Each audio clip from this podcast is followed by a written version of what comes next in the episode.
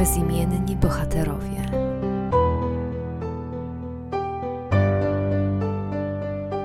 Dzień dobry wszystkim. Dzisiejszy temat będzie dość nietypowy, ponieważ przyjrzymy się sylwetce Jana Buchaka, który to jest określany nestorem fotografii polskiej. Jan Brunon Buchak urodził się 6 października 1876 roku w Ostaszynie koło Nowogródka na terenach dzisiejszej Białorusi. Historia samej fotografii jest bardzo ciekawa, ponieważ sięga aż 1556 roku, kiedy to Georg Fabricius zauważył, że chlorek srebra zaczernia się pod wpływem promieni słonecznych.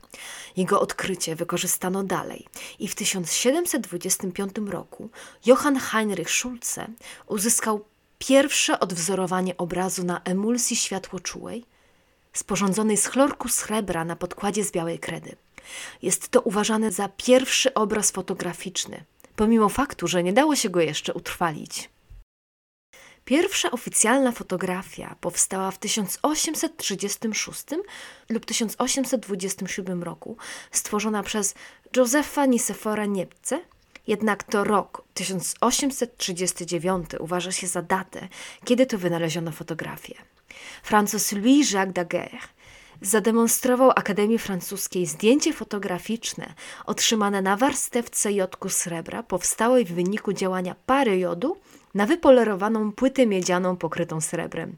Ta metoda Daguerra, zwana od nazwiska twórcy daguerreotypią, pozwalała na otrzymanie poprawnego zdjęcia, ale tylko w jednym egzemplarzu, ponieważ utworzony na płytce obraz był obrazem pozytywowym. W tym samym czasie nad fotografią pracował William Henry Fox Talbot i w 1939 od jego nazwiska zaczęto używać terminu fotografia. Od tamtej pory nastąpił szybki rozwój fotografii. Już wkrótce płytki srebrne lub arkusze papieru zastąpiono płytkami szklanymi powleczonymi warstwą światłoczułą.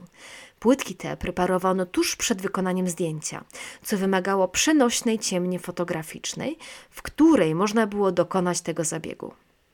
I już w 1861 udało się uzyskać pierwszą trwałą fotografię barwną, jak donosi Wikipedia. Jeśli chodzi o fotografię w Polsce, to rozwijała się ona równolegle do osiągnięć na zachodzie Europy. Za Wikipedią, już 13 lipca 1839 roku, a więc jeszcze przed ujawnieniem szczegółów techniki dagerotypii, polski inżynier i wynalazca Maksymilian Strasz opublikował w wiadomościach handlowych i przemysłowych artykuł poświęcony innej technice fotograficznej kalotypii, dołączając próbki wykonanych przez siebie obrazów wykonanych tą techniką. W tym samym roku kurier warszawski wydrukował ogłoszenie firmy Fraget oferującej aparaty do dagerotypii. Rok później w Poznaniu i w Warszawie pojawiły się ilustrowane broszury poświęcone dagerotypii. Pierwszy profesjonalny zakład fotograficzny na ziemiach polskich, zakład dagerotypowy Karola Bayer w Warszawie, na przełomie lat 1844-1845 otworzył w Warszawie Karol Bayer. Początek przemysłu fotograficznego na ziemiach polskich to rok 1887, kiedy chemik Piotr Lebiedziński założył w Warszawie fabrykę papierów fotograficznych Foton. W 1899 również w Warszawie powstała wytwórnia aparatów fotograficznych i obiektywów FOS. Ale cofnijmy się lekko i wróćmy do bohatera naszego odcinka. Jan Brunon Buchak urodził się 6 października 1876 roku w Ostaszynie koło Nowogródka na terenach dzisiejszej Białorusi, 15 lat po już oficjalnym pojawieniu się fotografii barwnej. Jego ojcem był Walery Antoni Stanisław Bułchak herbu Syrokomla, a matką Józefa Haciska herbu Roch. Ukończył gimnazjum w Wilnie, a następnie studiował filozofię na Uniwersytecie Jagiellońskim, którą przerwał po dwóch latach, wracając do swojego rodzinnego majątku. Mając lat 25, ożenił się z Anną Haciską. W wieku 8 lat już płynnie mówił po francusku. Jego kariera, jak wszystkie inne wielkie kariery, zaczęła się niepozornie. Otóż w 1905 otrzymał w prezencie od żony aparat. Ponieważ już wtedy lubił wędrówki, zaczął brać ze sobą swój aparat i uwieczniać piękno rodzinnej Nowogrodczyzny. Określał siebie wtedy jako fotograf amator. Fotografował m.in. dwór w Peresiece na Mińszczyźnie, tworząc akademickie portrety oraz nastrojowe, zamglone pejzaże o romantyczno-symbolicznej proweniencji. Zainteresował się piktorializmem, za Wikipedią. Fotografia piktorialna polega na indywidualnej ingerencji artysty w każdą wykonaną przezeń odbitkę, to znaczy zerwaniu z mechanicznym procesem pozytywowym. Zamiast migawkowej fotograficznej rejestracji powstaje syntetyczne dzieło sztuki. W fotografii piktorialnej artysta stosuje techniki szlachetne: gumę, olej, bromolej i przetłok. Artyści często pozostawiali ślady pędzla lub miękkie faktury na fotografiach. Wtedy też Bułhak zaczął retuszować swoje zdjęcia. Jego liczni przyjaciele zachęcali go do robienia zdjęć otoczeniu, jednak jak stwierdził wtedy Bułhak, nie interesuje jego inwentaryzacja otoczenia, ale wyrażanie tęsknot, które go wówczas nawiedzały. O swoim życiu przed fotografią opowiadał, że Amatorskie i odruchowe było wszystko w mem otoczeniu. Od poglądów na sztukę i naukę do gospodarstwa rolnego i domowych porządków. Przełomową dla niego datą był 1908 rok, kiedy to Bułhak wysłał kilka prac na konkurs fotograficzny ogłoszony przez Życie Ilustrowane. Celem konkursu było sławienie piękna krajobrazu litewskiego. Jan Bułhak, używając swojego pseudonimu nietutejszy, wysłał 16 prac i wygrał konkurs, dzięki czemu jego zdjęcia ukazały się w życiu ilustrowanym. Zachęciło to go do wysyłania swoich prac. W 1909 został członkiem, korespondentem fotoklubu w Paryżu i zaczął obsyłać pracami wystawy krajowe i zagraniczne. Powoli zyskiwał popularność, którą, jak to on określał, była parafialną znakomitością i powiatową sławą.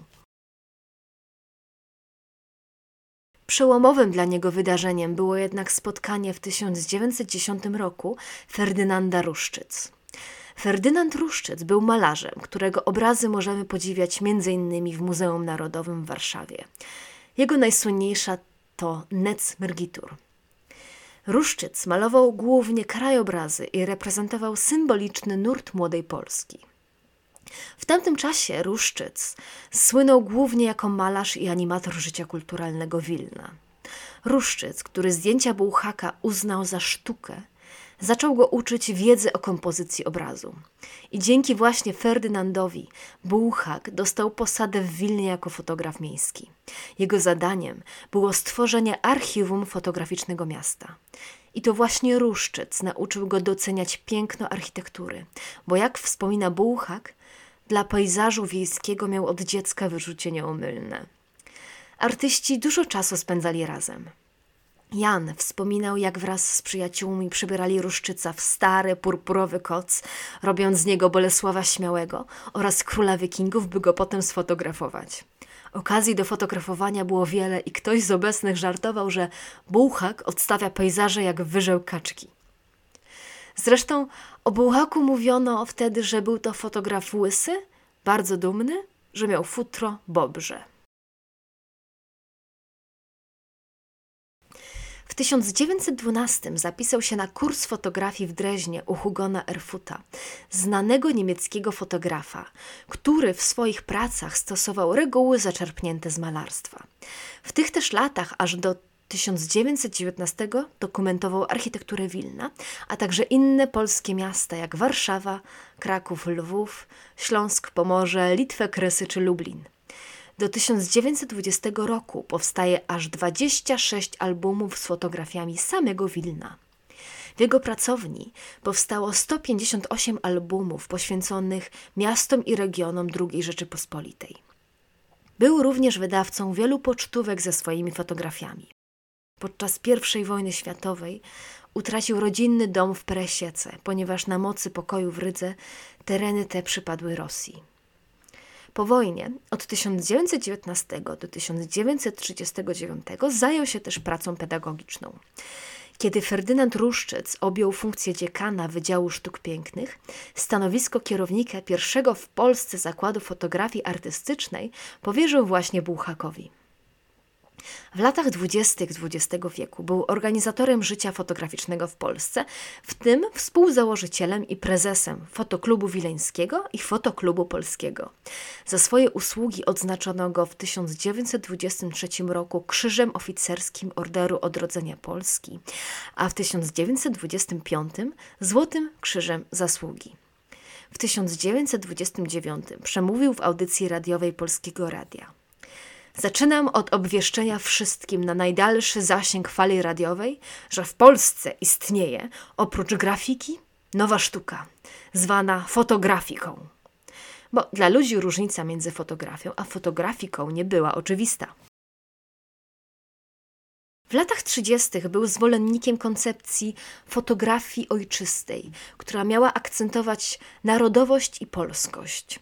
Cytując za Bułhakiem – za fotografię ojczystą należy uważać zdjęcia obrazujące polski krajobraz i architekturę, budowle zabytkowe, typy ludowe, sceny rodzajowe charakterystyczne dla społeczności polskich miast i wsi. Zdjęcia te powinny obrazować naszą ziemię ojczystą i ludzi ją zamieszkujących z najlepszej strony oraz posiadać wartość artystyczną i piętno narodowe. Był to swego rodzaju projekt zachowania spuścizny historycznej naszego kraju w formie fotograficznej. Postulaty fotografii ojczystej były kierowane szczególnie do szerokich mas fotografów amatorów i dokumentalistów, w przeciwieństwie do nieco wcześniejszej koncepcji fotografiki, fotografii artystycznej, która zakładała elitaryzm twórcy obrazów fotograficznych konstruowanych według klasycznych reguł kompozycji z wykorzystaniem tzw. Tak technik szlachetnych. W 1931 roku Bułhak wydał fotografikę, zarys fotografii artystycznej, książkę o estetyce fotografii, a jednocześnie podręcznik dla jej adeptów. Na ostatnich stronach opublikował ofertę przeźroczy ze swojej pracowni. 7 tysięcy widoków z całej Polski, 2 tysiące z Wilna i 2,5 tysiąca dworów polskich. Książka ta wprowadza przede wszystkim do języka polskiego tytułowe pojęcie fotografiki, rozumianej jako fotografia artystyczna. W następnych latach wydał także książki Technika bromowa, bromografika, estetyka światła. W estetyce światła pisał o konieczności oparcia fotografii o kanony estetyki sztuk plastycznych jako jedynym sposobie uszlachetnienia tego rzemiosła i nadania mu dostojeństwa artystycznego. Bułhak za swoją pracę nigdy nie dostał żadnego wynagrodzenia, a tylko państwowe odznaczenie. Czas wojny spędził w Wilnie, angażując się w działalność podziemną, pracując dla komórki łączności delegatury rządu. Zajmował się między innymi mikrofilmowaniem raportów wysyłanych następnie do Londynu. Większość artystycznej spuścizny Bułhaka, czyli krajobrazy, zabytki architektury, portrety, spłonęła w czasie II wojny, w tym i jego wielki projekt uchwycenia całego kraju w formie fotografii.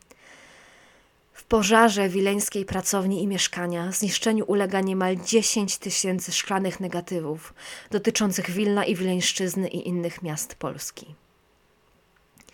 Powojenne lata spędził wraz ze swoim synem, próbując odtworzyć utracone negatywy.